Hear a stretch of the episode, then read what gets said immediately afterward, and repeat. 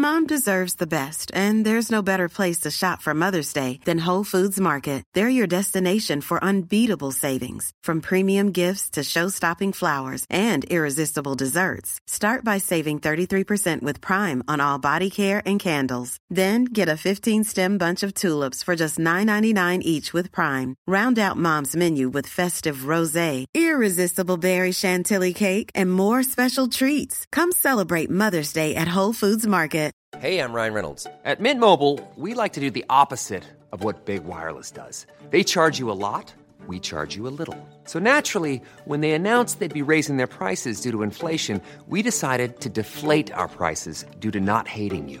That's right. We're cutting the price of Mint Unlimited from $30 a month to just $15 a month. Give it a try at mintmobile.com slash switch. $45 upfront for three months plus taxes and fees. Promo for new customers for limited time. Unlimited more than 40 gigabytes per month. Slows. Full terms at mintmobile.com.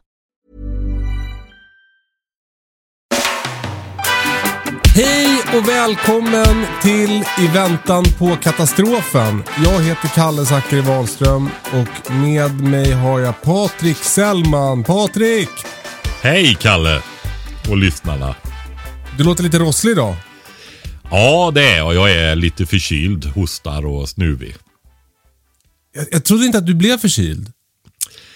Nej, det brukar jag inte. Alltså jo, det kan väl säga att det brukar jag väl bli. Jag är faktiskt lite um, hostig på vintrarna. Jag vet, det är väl att det blir uh, torrare luft och så där inne som gör att det blir. Men nu är jag, li- nu är jag ju mer än bara lite hosta, utan nu är det jag förkyld. Då. Men din förkylning är inte de enda moln som tornar upp sig på horisonten. Uh, världsläget är anspänt. Ja, Vad är det som händer Patrik? Ja, jag tyckte ju att vi skulle ta och göra en sån där grej i och med att vi börjar ju med ambitionen med såna här katastrofpoddar, alltså extra poddar om det händer grejer. Men eh, lite grann har vi hamnat i situationen att försöka hålla den här Vi får vara glada om vi får ihop ett, ett avsnitt Ja, men precis va. Och eh, det har ju varit faktiskt läge för flera stycken eh, katastrofpoddar egentligen. Så jag tänkte att vi gör en liten summering idag, vad det är som Får händer. jag chansa då eller? Ja, Då chansar jag eh, på eh, 100 000 ryska soldater vid den ukrainska gränsen. ja 90 tror jag det är. Eller står Aha. det 100 000 någon annanstans? Jag tror det. Ja. Beror nog på vilken källa, men det är den storleksordningen i alla fall. Då, plus mycket tung materiel också, va? inklusive stridsvagnar och Iskander-robotar och så vidare. Då. det jag tycker det är så rörigt det här med Iskander-robotar. För det finns ju en, en kebabrätt som heter Iskender. Mm. Är det samma eller? Eh, alltså jag vet inte vad Iskander står, betyder. Nej. Men eh, det skulle ju kunna vara den språkgruppen där, att det har en Ja. viss betydelse som kan vara. Men, eh, nej, men det är en, eh, vad ska vi säga? Alltså det som jag har är ju så här att i Kaliningrad då, som är en enklav, en rysk enklav. Vad betyder enklav? Ja, en del då, en, en bit som ligger en, eh, lite utanför det ena området, området kan man väl säga då. Va? Alltså som inte sitter ihop med själva huvudlandet. Precis, precis. Så den här ligger ju mellan Polen och Vitryssland uppe mot Öster. Det är alltså bara några tiotals mil ifrån Sverige då. Va? Eh, och där flyttade man ju fram eh, Iskanderrobotar och satte där och det täcker ju hela, ja, från sto inklusive Stockholm och hela södra Sverige. Va? Och för alla er som inte har läst Lars Wilderängs eh, Ryssen kommer-böcker så kanske du ska förklara då vad, vad en Iskander-robot är. Ja, den kan ju föra med sig olika typer av eh, stridsspetsar då. Va? Så att eh, allt ifrån kärnvapen till eh, andra mer taktiska eh, stridsspetsar också. Då, mer, vad ska vi säga, vanliga. Finns ju väldigt otrevliga andra vapen nu för tiden. Men de, de har väldigt lång räckvidd de här va? Ja, alltså det är ju inga interkontinentala robotar, det är det inte. Men som jag sa där nere, de står ju om vi tänker oss vid Östersjökusten i söder där nere och täcker upp till i alla fall Stockholm då. Va? Så eh, ja, de kan åstadkomma en hel del vid ett, ett eh, överraskande angrepp om man säger så. Då. Men nu är de, eh, står det sådana förband och mobila sådana enheter utanför Ukraina också då tydligen. Och, och det är ju så här, det, för den, det, Ukraina är ju en grej. Mm. Eh, vi kan titta på, på det sen. Det andra är ju det som händer mellan Belar, Belarus och eh, Polen då. Eh, norr om Ukraina. Mm. Där den här eh, Lukasjenko då som ställer till det så mycket. Eh, det är ju, vad ska man säga, Rysslands man då. Alltså han är Eh. president i eh, Belarus och, och även känd som Vitryssland. Ja, precis. Och han är eh, nära knuten till eh, eh, Putin. Ja, till viss del i alla fall är han det. det. Ryssland vill ju få in Vitryssland i Ryssland som en delstat kan man väl beskriva det. Men det, det är mycket problematik där. Det är ju det här att eh, det vet, vi har ju pratat om det här med logistikkedjorna och sådär och att det är mycket problem med sjöfarten framför allt. Va? Eh, den är eh, väldigt liten. Och då kanske många har hört talas om det här med nya Silk Road, alltså sidenvägar. Det är ju ett histo- en historisk transportled över land ifrån Kina till Europa. Just och eh, där har ju Kina satsat ofattbara eh, resurser, alltså jättemycket pengar på att bygga upp sådana här moderna Silk Roads. Då? Och eh, nu har du ju Ukraina med konflikten i söder. Där kommer ju gas in i Europa dock fortfarande. Va? Och därmed får Ukraina också gas. Eh, och vi är ju väldigt, eh, eller Europa, framförallt kontinentala Europa då är ju väldigt beroende av den här gasen. Särskilt som man har avvecklat så mycket kärnkraft. Nu stänger ju Tyskland sina sista kärnkraftverk tror jag närmaste tiden här. Va? Så att eh, de är extremt beroende av detta. Både för elproduktion och värme förmodar jag. Och var kommer gasen ifrån? Ryssland. Okej. Det, det är ryskt. Sen har man ju, alltså det är ju spänningar mellan NATO, EU och Ryssland som eh, trappas upp. Och eh, konfliktområden är ju bland annat Ukraina och Vitryssland och Belarus. Belarus. Som för övrigt betyder Vitryssland då. va? Och eh, det är ju gränszonen mellan Europa och Ryssland då kan man säga. Va? Så att det är ju en buffertzon för Ryssland. Och det är ju så att NATO har ju tryckt på. va. Hur då? Ja, alltså du hade ju ryskvänlig regim i Ukraina tidigare. Det, nu är det ju inte det va. Som av en händelse. Som av en händelse för några år sedan så var det ju väldigt illa där. Va? Jag tror de blev beskjutna och så vidare. De ledarna fick fly och så. Överlevde med nöd och näppe. Och... Ja, det, det är väl en soppa. Jag vill inte gå in för djupt på det där för att det är eh, politiskt laddade grejer och känns onödigt. Men det viktiga är att känna till att det är ju väldigt rörigt nu. Och eh, det är ju alltså nere i Donbass då så är det ju stridigheter där nere. Har varit. Eh, Jag har ju mejlat dig tror jag nästan för ett par veckor sedan om det här. Va? Mm. Innan det liksom börjar komma ut i medierna. Det, så, eh, Twitter är ju väldigt eh, bra om man vill bevaka sådana här lite känsligare områden. Då kan man hashtagga det så får man liksom ett, ett sammelsuriumflöde. Eh, och man märker, jag är lite ovan vid Twitter då, jag har inte haft det förut. Men just för att ligga på sådana här grejer så är det, det rätt bra ändå. Men så mycket, alltså det bara väljer ju in där då va, om man gör en sån. Och, eh, men du får ändå, även om det är propaganda och smutskastning och liksom fram och tillbaka och förmodligen lögner och vilseledningar och allting som kommer där så får du ju ändå ett flöde där man ser att det händer grejer i alla fall. Sen är det rätt krävande att värdera det där många gånger då. Men, men det händer mycket där nere nu. va. Och, och varför gör den här konflikten dig orolig? Alltså, eh, orolig. Ja, okej då. Vi kan väl använda det ordet. Det plingar till i din, det här ska jag bevaka. Ja, precis. Jag behöver kolla, ha lite ögonen på det där då. Nej, men alltså så här är det. Vi har ju störningar i logistikkedjorna. Så är det. Just det. Och när du säger att sjöfarten har störningar i logistikkedjorna.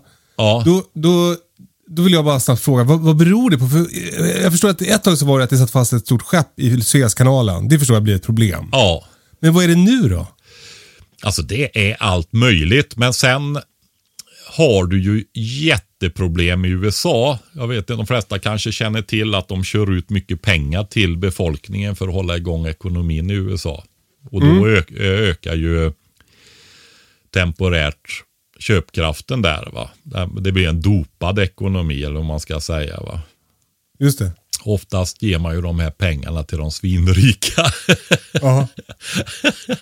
Ja men du vet, de kommer in i banksystemen och så vidare. Det här enorma pengatryckandet, det är ju så va. Ehm, ja, det ska ju inte bli ekonomi det här, men ja, det är ju en del av problematiken kanske också då. Men hur som helst så är det mycket eh, som går till USA och det är ju jätteproblem att få in allt.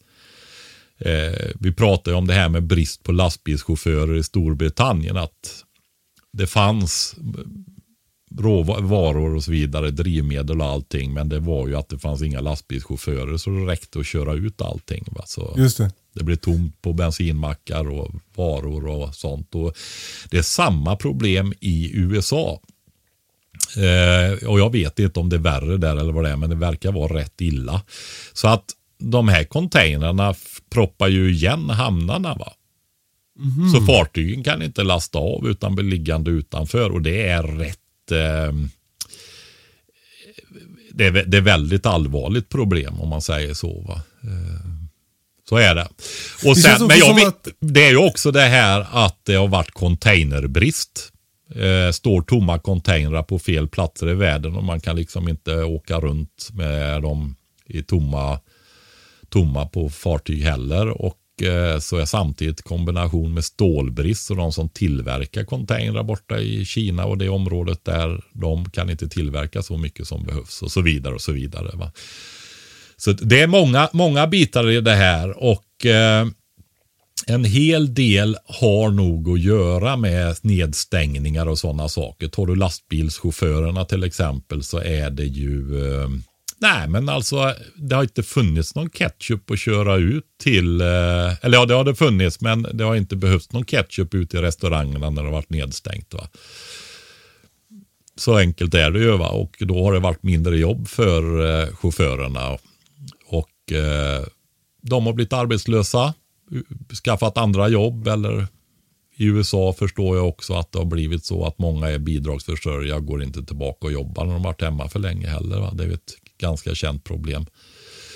Ehm, ja, så det är brist på det i alla fall. Och då är det så här att väldigt mycket utav det gods som kommer in ifrån Kina nu, alltså jag tror de flesta känner till det här att Kina har väldigt mycket produktion som förser oss med både produkter men också med reservdelar till maskiner och industri och så vidare. Va? Så att det är av oerhört stor betydelse det där. Va? För att hålla igång våra ekonomier också. Va? Vi är väldigt beroende av Kina. Och eh, nu går det på tåg via den här sidenvägen nu då över Belarus till Polen. Ska se om jag, ja, det är nästan ingen idé att ta fram namnet på den polska staden. Men alltså det, det, det är ju liksom inte så här bara en lastbilar som kommer på en väg liksom och så där utan det här är ju enorma tågtransporter med containrar och sådana saker då. Va? Och för att få in det här i eh, Europa då så eh, behöver man byta hjulaxlar på järnvägsvagnar eller lasta om för det olika spårvidder och sådana grejer. Va? Så, så det, är liksom, det är riktiga infrastrukturanläggningar. Så det är liksom ingenting som man, ja ja, men nu, nu kör vi till Sverige genom eh, Lettland och tar färjan över. liksom sådär, va? Det, det krävs mycket. Eh, och i den konflikten där nu då så eh, det är ju en ekonomisk krigföring som håller på att trappas upp till på allvar nu då där eh, man hotar att stänga gränsen. Va? Och det har att göra med de här migranterna som, som, som ta sig in i Polen från Belarus? Ja, som Lukasjenko tar dit alltså och använder som vapen. Det är ju mm. helt cyniskt fruktansvärt eh, hur det går till där också då. Va? Och eh, ja, de sitter ju och fryser ihjäl i skogarna en del där nu. Mm. Får, får ingen hjälp av dem heller då. Va? Det är ett sånt där oerhört cyniskt eh, spel nu då. Jag tror han är extremt pressad, eh, Lukasjenko. Alltså du har ju det här, du vet Kina har investerat massvis i den här sidenvägen. Eh, Ryssland vill ha in dem under sig. Det är till och med... Ja, Belarus. Ja. ja, precis. Vitryssland eller Belarus då. Och eh, det vill väl inte Kina. Alla investeringar ska hamna i Ryssland istället. Och samtidigt som EU då Ja, det är ju eskalerade konflikter. Jag tror till och med de har en exilregering som EU har godkänt liksom eh, i Vitryssland. Istället för Lukasjenko då och så. Va? Så att det är ju aktioner. Enklav, exilregering, det är som en Tintin-album. Ja, ja, ja, jag tror det är värre. Ja, verkligheten överträffar ju eh, fantasin, eller vad ska jag säga. Ja, det känns som att det är liksom en, en svunnen tid som kommer tillbaka. Ja, det eskalerar i alla fall. Jag tror ju att det är så här hela tiden. va. På olika sätt i olika delar. Det är ju inga jättesuperuppkomna konflikter det här, utan de, det finns ju hela tiden. Men nu eskalerar det då och du, då har du ju Vitryssland med Ukraina under sig. Det är ju i stora delar av gränsen emot Europa. va. Och eh, det som händer i Ukraina, häng, de hänger ju ihop de här grejerna. va. Och sen, sen till det här då så kommer ju Kina, Taiwan, eh, konflikten. Och den har väldigt stor betydelse också om man vill förlänga det här och dra det vidare. Därför att där har ju då Storbritannien, Australien, Nya Zeeland och USA bildat en ny allians. Försvarsallians eller militärallians eller vad man ska kalla det då. UKAUS. UKAUS. UKAUS. Eh, Nya Zeeland fick inte ha med sitt N då. Det passar inte in tydligen i det akronymet då. Men eh, och så där kan ju vi då som, alltså det europeiska delen, EU-delen då, förlita sig väldigt mycket på USA. USA har det väl lite rörigt på sitt försvar där också med avhopp och grejer nu som kommer på grund av tvångsvaccineringar och sånt där i försvaret och så. Va? Så att det är, eh, ja, hur det än är, att behöver USA engagera sig i Östasien, alltså Taiwan, Kina, hela den här, via den här nya försvarspakten där borta, så är det ju självklart så att det försvagas eh, möjligheten att agera här i Europa. Just det. Så är det va. Och vi har inget... Tvåfrontskrig. Ja, det är det ju. Det blir ju inte lika enkelt som om det är på ett ställe va. Bortanför ens eget land dessutom va. Även om de har enorma hangarfartygsresurser och, och grupper då, och även möjlighet att flytta förband och sånt där och förberett. Så um, så är det klart att det ställer till det. Och då, då är det ju så här att Europa har ju inte något organiserat. Det är det som är lite, ska inte lägga in åsikter och sånt i det, men vad man kan säga är ju så här att i Europa då, EU har ju, lägger ju väldigt stora pengar på sina försvarsmakter. Men så har vi inte så mycket försvar. Va? Alltså jämför du med Ryssland så är det ju enorma mängder EU lägger i jämförelse med Ryssland. Då. Det går att diskutera det, hur det går att jämföra med olika kostnadslägen och så vidare och så också. Men, men Ryssland har ju bättre förmåga än vad EU har. Va? Så men hur kommer det sig? Jag fattar inte. Nej, men alltså massa industriprojekt, eh, flygplansbesparingar som inte går i luften. Och sen är det ju så att det är inte bara att ha massa utrustning och sånt där, utan det ska ju organiseras och sättas upp också. Va? Det finns ju inte något eh, samordning i EU på det viset. Vi har ju ingen gemensam försvar i EU. Vi har ju du att vi ska ha det? Alltså jag... Jag eh, är inte... Ja, jag tänker så här, vi behöver inte gå in på tyckande där. Jag tycker inte det. Nej. Det är ju så här, det, det finns för, ja jag tycker det. För det finns för och nackdelar med allting då va. Och jag känner att eh, jag, eh, jag kan väl säga att spontant så gillar jag det inte. Nej. Men eh, jag, jag har inte jag har inte satt mig in i frågan så mycket så att jag liksom vill eh, Ja, men jag menar, vi sitter ju ändå och pratar för tiotusentals människor nu. Va? Så att, eh, då tycker jag att eh, jag ska ha lite bättre på fötter om jag ska uttala mig i den frågan. Det, det låter rimligt. Du, jag vet, det låter som att du också har missuppfattat eh, konceptet podcast Patrik. Det, är- Hela konceptet är att man sitter och gissar om grejer som man inte riktigt har koll på. Ja, ja, ja. Du, eh, men okej, så det här eh, eh, ska man hålla ögonen på.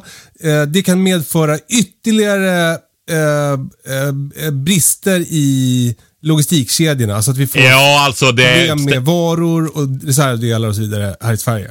Ja, ja, i hela Europa.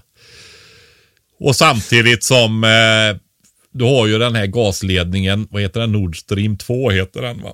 Ja. Och jag är inte helt insatt i det heller. Det finns så otroligt mycket att vara insatt i. Du vet samtidigt som man ska bygga komposter och, och allt möjligt va. Och gymnastisera batterier. jag har tagit mycket, nej det är ju sånt som pågår av sig själv då. Man bara går, svänger förbi. Men de är, de är färdiga de stora nu i alla fall. Ja, skönt.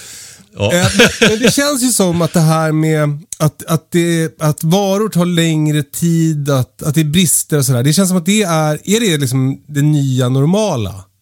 Alltså det, det som är här som jag egentligen vill säga är ju att det eskalerar det här och fortsätter nu då. Och nu har ju, hade de väl något sånt här ministermöte eller någonting sånt här i EU och eh, vidtog motåtgärder mot Belarus då. Och eh, det är ju en fortsatt eskalering med andra ord. Och det, det, det kan ju bli väldiga störningar eh, då. Blir- alltså om det både sjöfarten, eh, alltså den inte bara knackar, den är, går eh, på knäna rejält alltså. Det, vi har ju nämnt det förut det här med eh, grejer till våra prepboxar som var beställda i juni redan. Ja, men det känns ju som att det är, som oavsett vilken bransch man, man eh, försöker handla ifrån så, så finns det så här, ja och sen är det ju problem med leveranserna just nu. Och det känns som att det har varit det, ja men egentligen ända sedan Suezkanalen-grejen hände så har det varit problem. Men det där skeppet Ja, det, var, det, det längre. var även innan det. Ja, men, ja, men kommer det nu fortsätta vara så här? Alltså, eh, Ja, det och blir kommer- värre och värre. Det blir Kommer vi värre att och acceptera värre. det eller kommer vi att göra om så att vi flyttar hem produktion? Det var ju snack om det. Så här, Åh vad sårbart det är, vi måste flytta hem produktion. Och sen så i samband med pandemin var det va? Med, med alla ansiktsmasker och sådär. Ja, ja Men- men, alltså det är en det process också som har pågått i flera år. Att det är fler och fler som plockar hem produktion och så igen. Va? Du har ju alltihopa det där att, alltså när man jobbar med saker så går man upp på morgonen och så är det en massa problem som ska lösas. Det är liksom så när man ska göra saker att det blir en massa problem hela tiden. Och så avtar de problemen så kommer det andra problem istället. Så liksom, det flyter ju aldrig riktigt på, eller inte hela tiden i alla fall. Eh, vissa grejer kan göra det så är problemen någon annanstans. Och om du då har produktionen närmare dig så blir tenderar det att vara lite lättare och hitta nya lösningar och snabbt få fram nya grejer istället för att köra med båtar i månader ifrån eh, Asien, va? Andra sidan jordklotet. Så att eh, det är många som eh, ser att eh, det blir kostnader på andra sätt. Så att det blir inte så billigt som man tror och så vidare. På många håll då. Så att det plockas hem eh, produktion. Det där är tydligt, vi, vi håller på att ta fram ett, eh, vad ska man kalla det, klädmärke jag och Britta. Vi ska Ja. träskor och glesbygdskavajer och sånt där. Då, glesbygdskavajerna tillverkas eh, på Hisingen i Göteborg. Och det gör ju att, att den här eh, processen som vi befinner oss i nu, där vi håller på att ta fram den perfekta, alltså vi skickar prover fram och tillbaka och feedbackar och sådär. Den går ju väldigt snabbt eftersom det är till hissingen i Göteborg och inte till Kina. Ja. Det är ju tacksamt. Men då är det samtidigt så här, vi, vänt, då, vi fastnar på att dragkedjorna ska komma någonstans ifrån. Och de kommer Från Kina! Exakt. Exakt.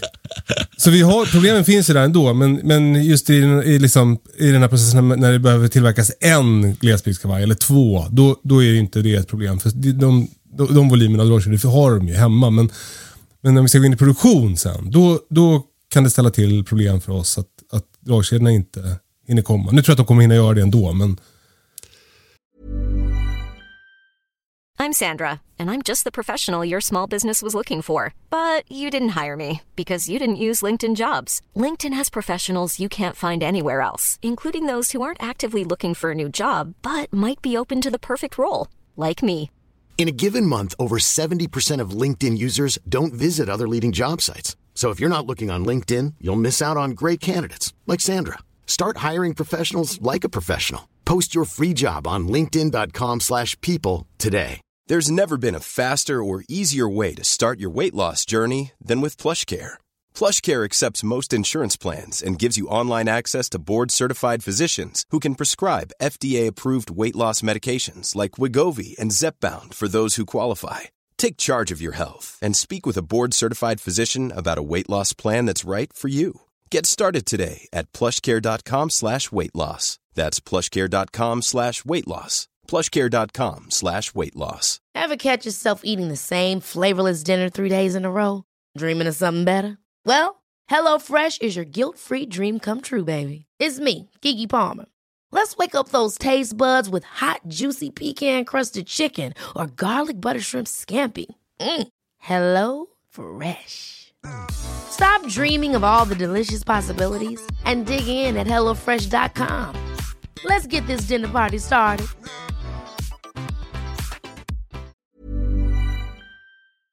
Men, men Ja. kommer man att få vänja sig vid det här? Alltså överskådlig framtid så är det ju så. Sen eh, är det ju så här att det är inte så lätt att fixa sådana här grejer.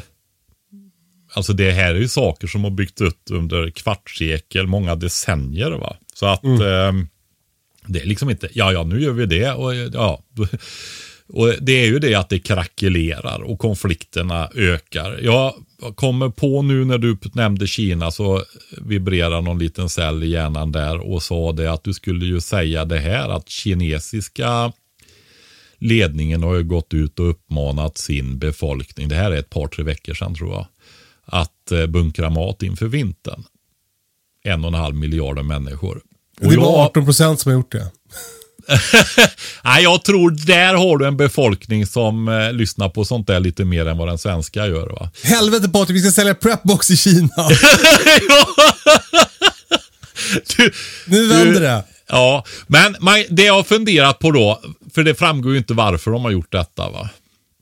Men jag, tittade, jag hittade tre tankar om vad det skulle kunna vara. Det ena är ju att de ser att det blir nya nedstängningar i vinter.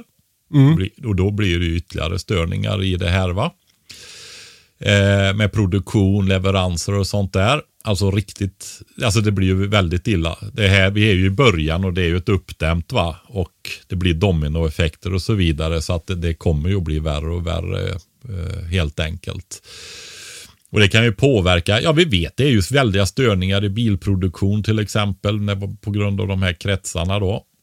Jag tror, är det Taiwan som gör 60% av de här eller? Det är också ett eh, allvarlig grej just. Ja, vad bra att du frågar Patrik. Eh, eh, det har ingen aning.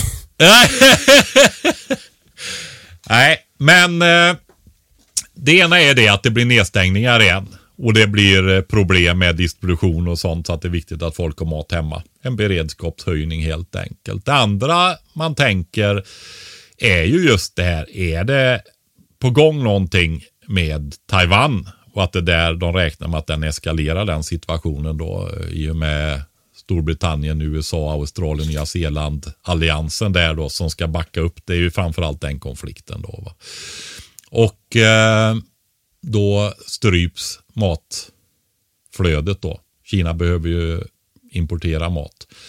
Och eh, den tredje är just det att det har varit väldigt mycket störningar i livsmedelsproduktionen. Alltså odlandet och så har slagit snett i stora delar av världen så att de förstår att det blir matbristproblematik då. Va? Det har, problemet har vi inte på kärret i Raggvaldstjärn.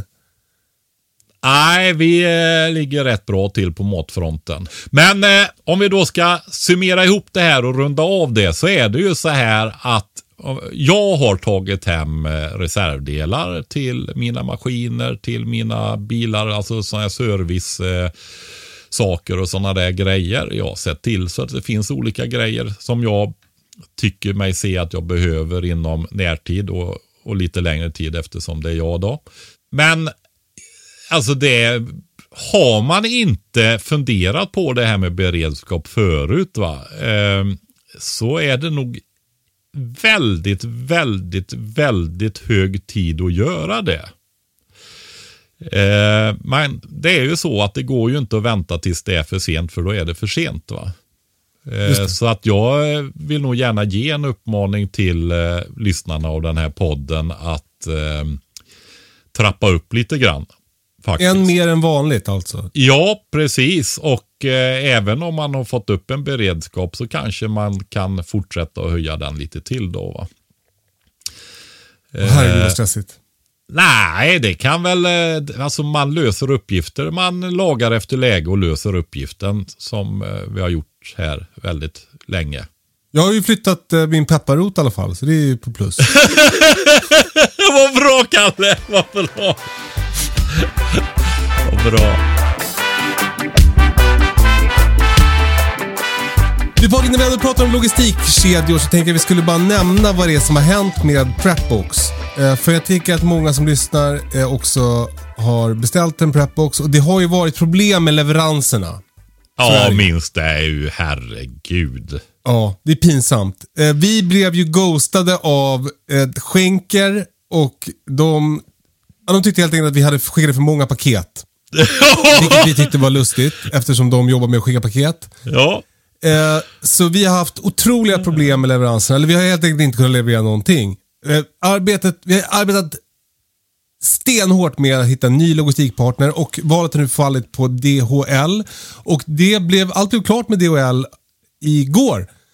Nu rullar hela systemet. Så nu funkar liksom vår eh, databas med bla bla bla. Jag vet inte hur det här funkar. Men fraktsedlar och skit. Så nu, nu börjar vi skicka prepboxar igen.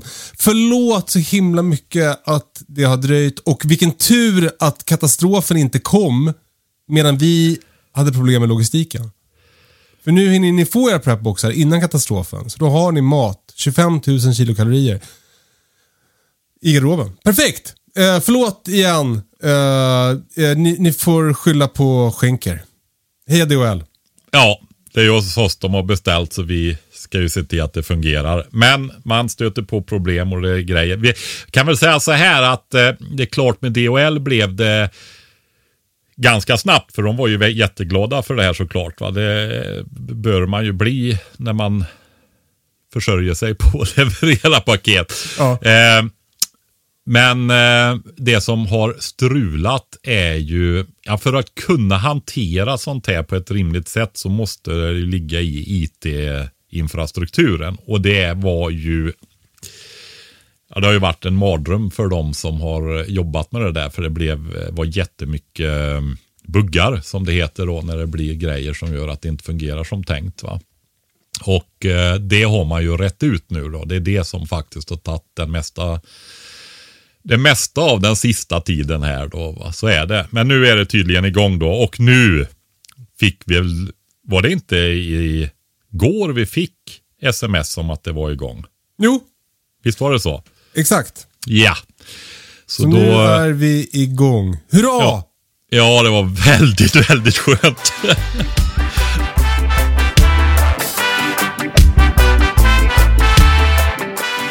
I väntan på katastrofen är även den här veckan sponsrad av valostore.se.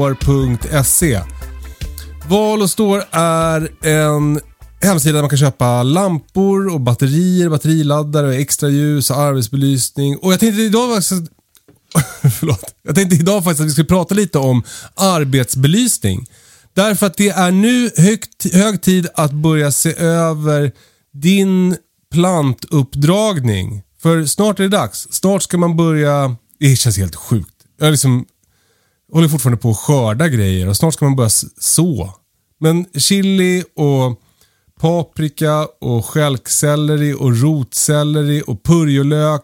Snart är det dags. Eller hur Patrik? Ja, i januari är det det. Men om man ska vill bygga en anläggning så som du gjorde här, var det förra året? Ja, jag byggde en anläggning året innan och sen så utvecklade jag den ytterligare eh, förra året. Ja, just det. Så är det. Eh, uh, då kanske det är dags att börja göra det nu så ja, att den exakt. är klar i januari. Eh, vi har ju en rabattkod, eh, eller en rabattlänk är det, så ni får gå in på Instagram och klicka på länken i vår profil. Eh, då får ni 15% på hela sortimentet på Valo Store. Och då kan jag rekommendera ehm, Uh, arbetsbelysning därifrån. För det är nämligen det jag har använt för att bygga mitt hyllsystem för plantuppdragning. Uh, jag tänkte berätta lite om hur jag har gjort. Ja, du har ju prövat detta en säsong också och sett att det fungerade. Exakt. Uh, för första vändan, min första, mitt första hyllsystem byggde jag av det här, alltså, allt det här är ju liksom med, dig, med, din guidning, så jag ska inte ta åt mig någon jävla ära. Men jag satte hyllor framför ett fönster i min verkstad. Och I verkstaden har jag en, en luftvärmepump så att det håller, jag kan liksom styra temperaturen där inne. Uh, annars är det lite problem med, med, att få plats med, med en sån här anläggning. Men, men, man kan ju göra ett vanligt fönster inne också om man har en förstående partner. Över varje hyllplan så sitter ett lysrör. Uh, och det här lysröret lyser då 7 till 23 varje dag för att ge stödljus till plantorna. Det är ju ja. två saker som spelar roll. Ja, det är väl flera. Men, men temperatur och ljus spelar roll när man drar upp plantor. Är det för varmt och för lite ljus så får man väldigt långa gängliga plantor. Det är dåligt. Då. Så man ska försöka hålla ganska så låg temperatur som, som växten tillåter och så mycket ljus som möjligt. Och Det där funkade ganska bra. Eh, det blev lite trångt för att jag, jag ville ha plats för mer plantor än, än mitt hyllsystem rymde. Så i fjol så investerade jag i ett jävla gäng lampor från Val och Står. Det är väldigt enkel LED-arbetsbelysning. Jag tror att den är på, kan det vara 50 watt? Jag minns inte. Kostar typ 200 spänn eller någonting. Och så, satt, så köpte jag en hylla på eh, Biltema istället. En lagerhylla. Den kostar typ 700 spänn. Eh, den är lite... Ja, den rymmer väldigt mycket, men den är liksom lite sladdrig och det är så spånskivehyllplan och det känns liksom inte optimalt. Men ja, nu är det som det är. Och då istället för att ha lysrör så satte jag de här LED-lamporna som drar mycket mindre energi eh, och jag tror de ger starkare ljus också. Och eh, det funkar svinbra. Eh, jag, jag är jättenöjd med den anläggningen. Så nu har jag ställt den här lagerhyllan för ett annat fönster i verkstaden och sen så driver jag de här LED-lamporna med en timer istället. Och, och jag är jättenöjd. Så, så det är ett förslag. Om du inte redan idag har en, ett system för plantuppdragning. Och jag ska säga då, när man börjar liksom eh, läsa på om att göra en sån här anläggning så fastnar man ganska snabbt i att man måste ha, alltså man tror att man måste ha speciella lampor. Som kostar typ 2000 spänn styck. Alltså jättedyra växt, speciella växtlampor. Och det är säkert toppen om man har råd med det. Men, men om man vill liksom eh, göra en anläggning som är lite billigare, då funkar det jättebra med den här arbetsbelysningen till exempel. Det, funkar, alltså det, det behöver bara vara lampa. Det behöver liksom inte vara en lampa som du har köpt på en affär som säljer växter. Det är inget, ja, den kanske är optimerad för växtuppdragning. Men det funkar jättebra med den här arbetsbelysningen också. Så slå till på Valostore. Uh, just nu får du alltså 15% rabatt om du använder länken i vår profil på Instagram. Har du något att tillägga Patrik? Ja, alltså just det här med arbetsbelysningen och det, det har ju inte jag prövat så det kan jag inte säga så mycket. Men jag kan kommentera det här lite grann med eh, färgen på ljuset. Mm. då. Det, det, är ju så här att det finns ju speciallampor och det är rött ljus och mer blått ljus och så vidare i de där. Va? Kallare och varmare och alltihopa så. Och eh, det där kan ju stimulera olika grejer hos plantorna. Jag vet man använder det bland annat hos tomater och jag ska inte gå in i detalj för jag kommer inte ihåg utan det är typiskt sån där grej som jag får läsa på om jag ska använda mig av det. Och där kan du få plantorna och Alltså det är därför som det finns för proffs och så vidare som har kommersiella grejer. Men drar man upp plantor själv så är det faktiskt eh, vit dagsljus. Det, det, ofta så um, när man tittar på lampor och sånt där så kan man ju titta efter dagsljus då. Eller 6000 Kelvin till exempel vit då. Det är det ju på deras arbetslampor där har jag koll. Jag för mig vi tittade det. Du frågade mig om de där LED-belysningarna. Först tyckte jag det såg konstigt ut då. Men så tittade jag mer på dem och så såg jag ju det att nej, de ligger ju rätt bra va. Mm. Och eh, så det funkade som ett alternativ att, att sätta upp då. I de här hyllplanen. Absolut. Och du är ju jättenöjd med det. Ja, jag tycker det funkar jättebra och också eh, liksom billigt. Mm. Inte s- en så stor investering för att eh, komma igång. Nej. Sen, sen har jag grejer kvar som jag skulle vilja utveckla i min plant... Säger man plantskola eller? Är det här en plantskola? Ja, ja absolut. I min plantskola skulle jag vilja ha automatisk bevattning. Idag kör jag underbevattningstråg. Alltså eh, så stora plastbrickor kan man säga. Där man ställer ner pluggbrätten eller 9 cm krukor och så lägger man en speciell matta, typ en eh, filt i botten på det här tråget. Och då, då så vattnar man på den så att då sugs vattnet upp i krukorna sen. Och det skulle jag vilja automatisera det där. Det skulle vara jävligt smidigt. Men, men det har jag inte kommit till än. Nej, men du man hade väl, du, har, hade, du köpte väl ett bevattningsbord ute i växthuset va? Ja, Där har du ju systemet liksom. Det är ju bara att göra ett liknande system då där uppe förmodar jag. Ja, men det är bara att det där bordet får inte plats in i verkstaden utan det måste stå i växthuset. Så Nej, men jag menar du, du ser ju hur systemet är utformat. Så Just får det. du utforma liknande system i dina... underbevattningstråg där. Det, är bara, det känns bara mäckigt med alla olika slangar och skit. Men det, det vore ju väldigt härligt att göra det för att då blir ju den där plantskolan helt självgående. Då behöver jag bara så och sen glömma bort det och eh, sen när, det är, är dags att, att plantera ut dem så jag behöver inte göra någonting fram till dess. Det är ju otroligt smidigt. Ja, du missar en grej. Vad ska jag göra? Har du aldrig jobbat i produktion på ett pappersbruk eller i bi byggt bilar eller något sånt där när du var Nej, jag har inte byggt några bilar. Va? Nej, jag har Nej. inte byggt några bilar. Nej, men det är så här. Jobbar man i processindustri då, då är det ju så här att du har ju alltid folk som övervakar att det fungerar. Va? Mhm. Och den uppgiften kvarstår ju, för annars när du kommer dit så Just det. har Ja, katt, katten har ju tryckt ut tråget så det ligger upp och ner på golvet. Exakt, när katten lägger sig och sover Och i- vattensystemet. i då, då måste man vara där och köra bort den. Ja, precis. Det är ju, alltså man måste ju ha koll på det i alla fall va. Så är det. Jag tycker Ja, det är ganska trevligt att gå där och vattna i mina hyllor. Ja, det tycker jag också. Absolut. Fast jag har ju dem inne i huset faktiskt. Har jag ju först i Mm. kvisten. Ja, men det går ju också med så här undervattningstråg så funkar det ju otroligt, det är otroligt smidigt att vattna. Det är bara att ta vattenkanna och hälla. Det, det- alltså, det går ju väldigt, väldigt snabbt. Ja, man fyller till en viss nivå så att det inte står i vatten när det har kommit upp plantor sen och rötter Fast det där tycker jag liksom att, jag tycker liksom att det kan stå lite i vatten. Ja, alltså i tidiga skeden så gör det det. Men om du gör det när det är eh, plantor som har fyllt ut rötter i eh, krukan mer då, då hämmar du dem ju lite grann på det. Det där, det där vet jag att du har sagt till mig förut Patrik. Nu ska jag, får jag opponera mig? Absolut.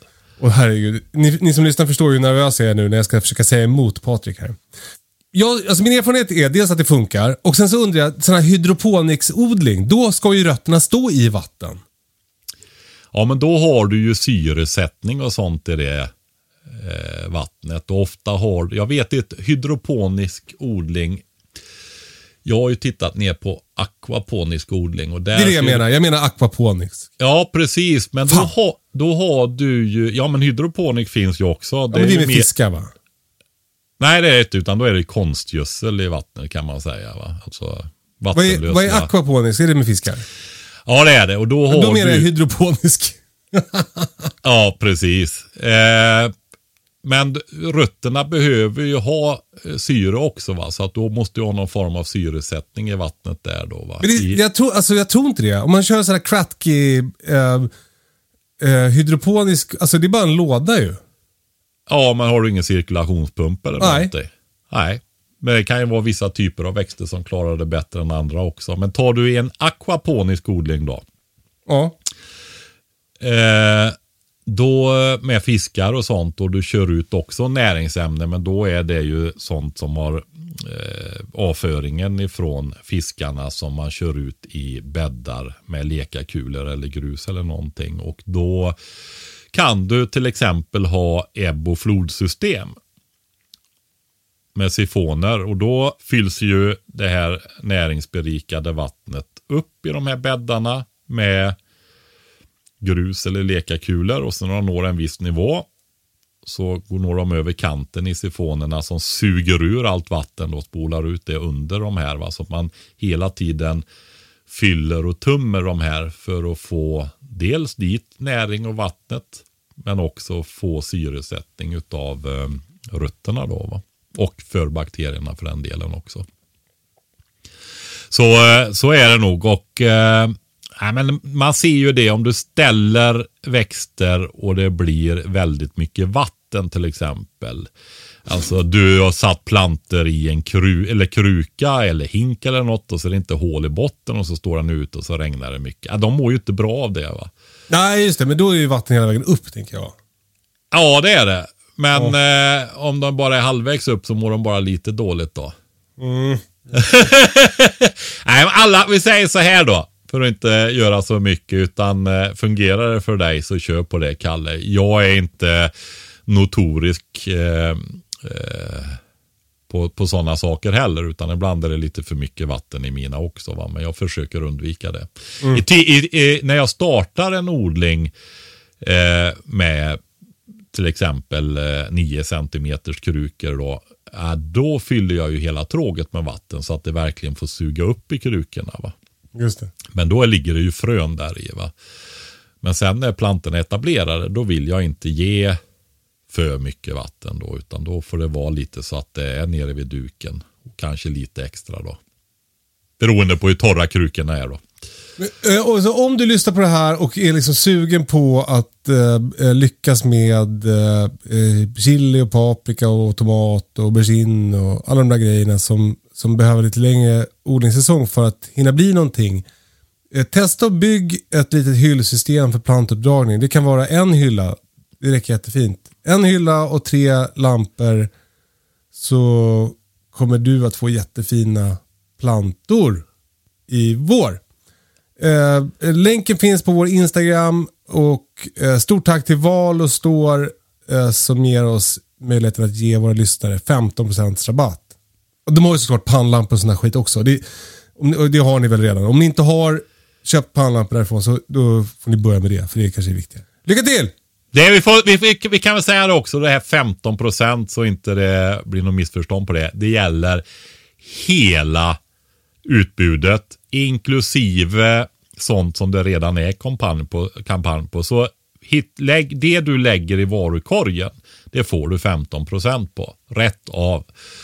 Eh, Så du kan få både en annan kampanj och en, eh, den här 15 kampanjen på en produkt till exempel. Va? Och eh, det här 15 procenten de dras i varukorgen eller i kassan eller någonstans. Det är alltså du ser inte det direkt då, men du måste ta länken i eh, bio på våran Instagram-sida annars så händer ju ingenting såklart.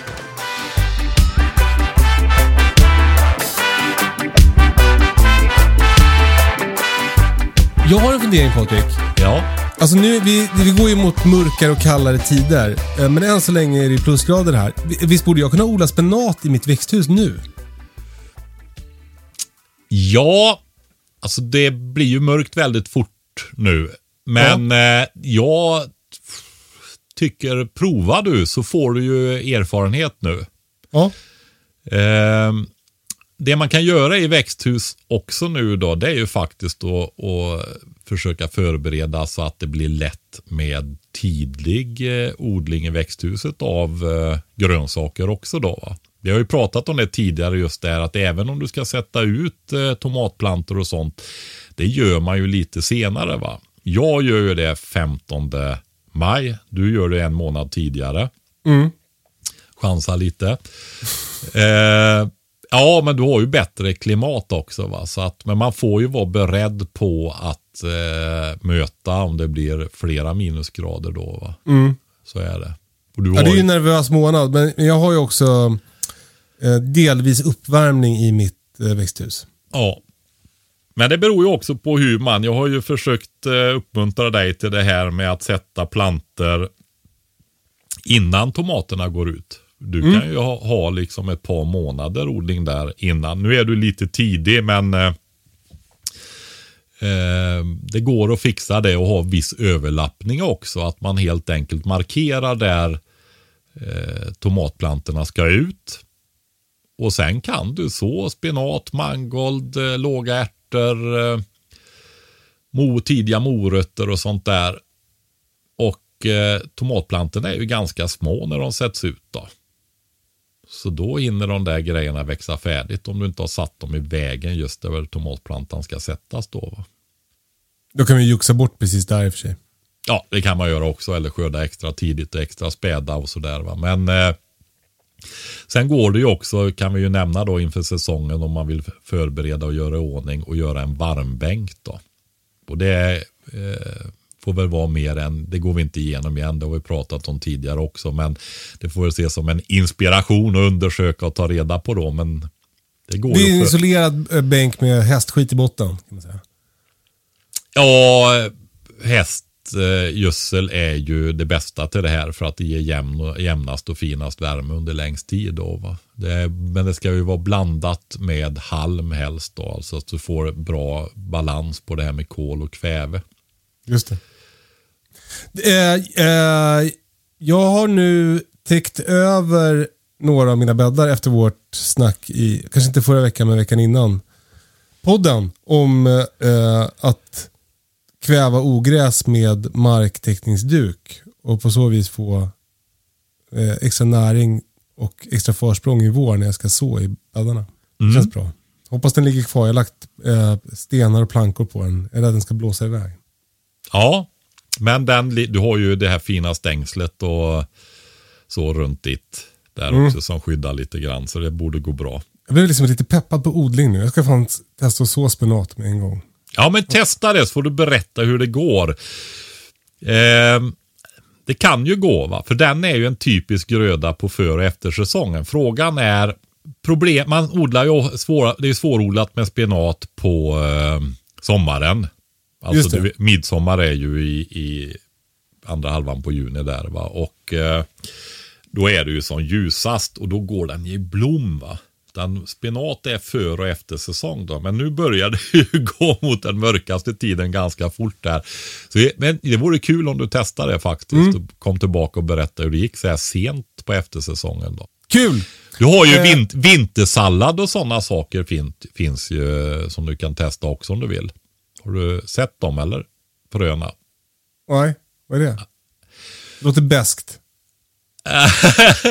Nej, men det är just för vinterodling för att ha bladgrönsaker och sånt där. Då. Jag, fakt- jag har det, men jag har inte provat det. Det blir så pass eh, mycket... Ja, det blir så pass kallt där så det blir ju tjäle ordentligt inne i växthusen och så här också. Va? Så är det. Ja, ja. det är jag, Du får fråga om brysselkål innan vi slutar. Ja, Eh, när är den klar? När du har fina brysselkålshuvuden. Men det är ju den kålen som tar längst tid på sig.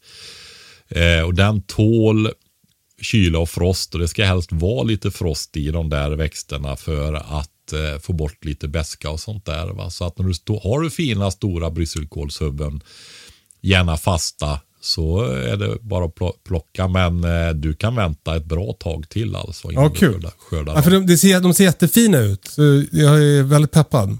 Ja, men börja då om du tar eh, dem. Det är ju bara att bryta av dem som, alltså det är ju underbart med brysselkål till eh, kötträtter och sånt framför allt va. Det är ju verkligen det.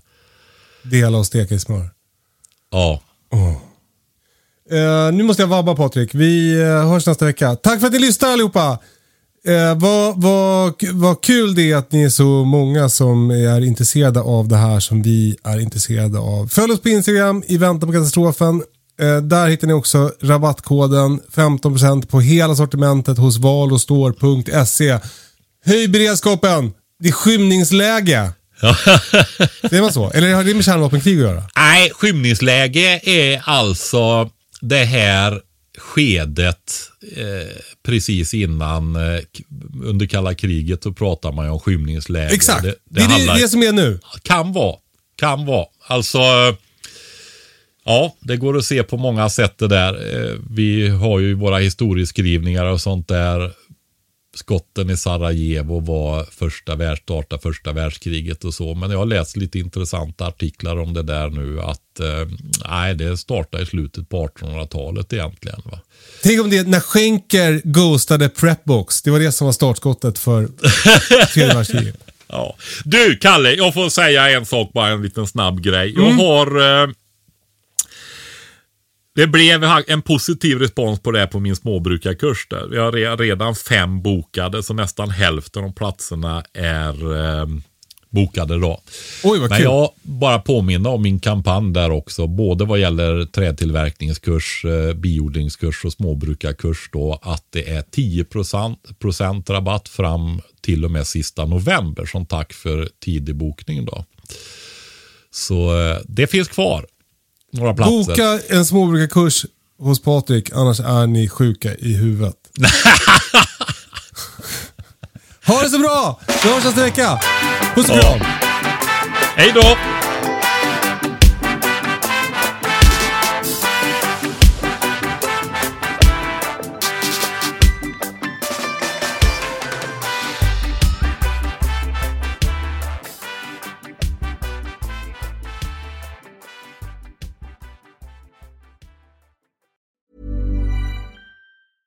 Ever catch yourself eating the same flavorless dinner three days in a row?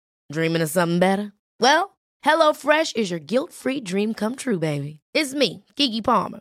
Let's wake up those taste buds with hot, juicy pecan-crusted chicken or garlic butter shrimp scampi. Mm.